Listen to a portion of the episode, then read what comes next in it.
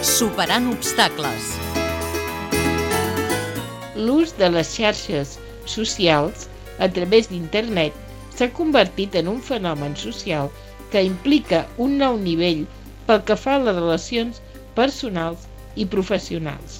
El col·lectiu de persones amb discapacitat és un dels més vulnerables quan parlem de bretxa digital, ja que l'accés a les noves tecnologies no sempre és fàcil per les persones amb discapacitats sensorials o intel·lectuals.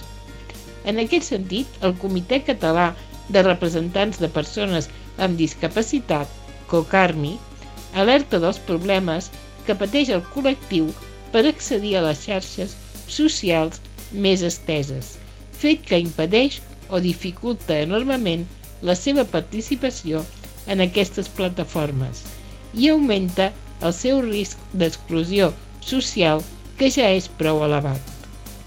Les principals xarxes socials no estan adaptades a les necessitats de les persones amb discapacitat, fet que provoca barreres en l'accés i ús normalitzat d'aquests canals de comunicació i relació social.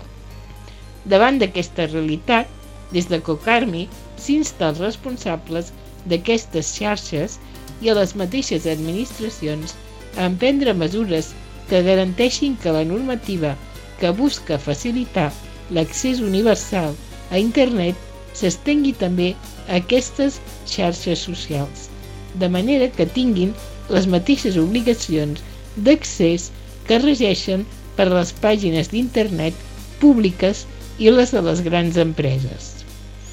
És el cas de Facebook, una xarxa social amb més de 500 milions d'usuaris i que no supera els criteris marcats per les pautes d'accessibilitat al contingut del web.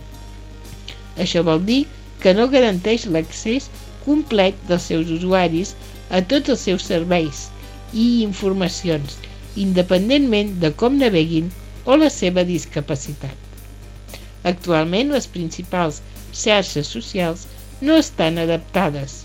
Des d'aquí ho diem esperant que a qui correspongui legislar i fer complir la legislació escolti i actui per fer una societat oberta, plural i, per tant, rica. Montse Pous, periodista.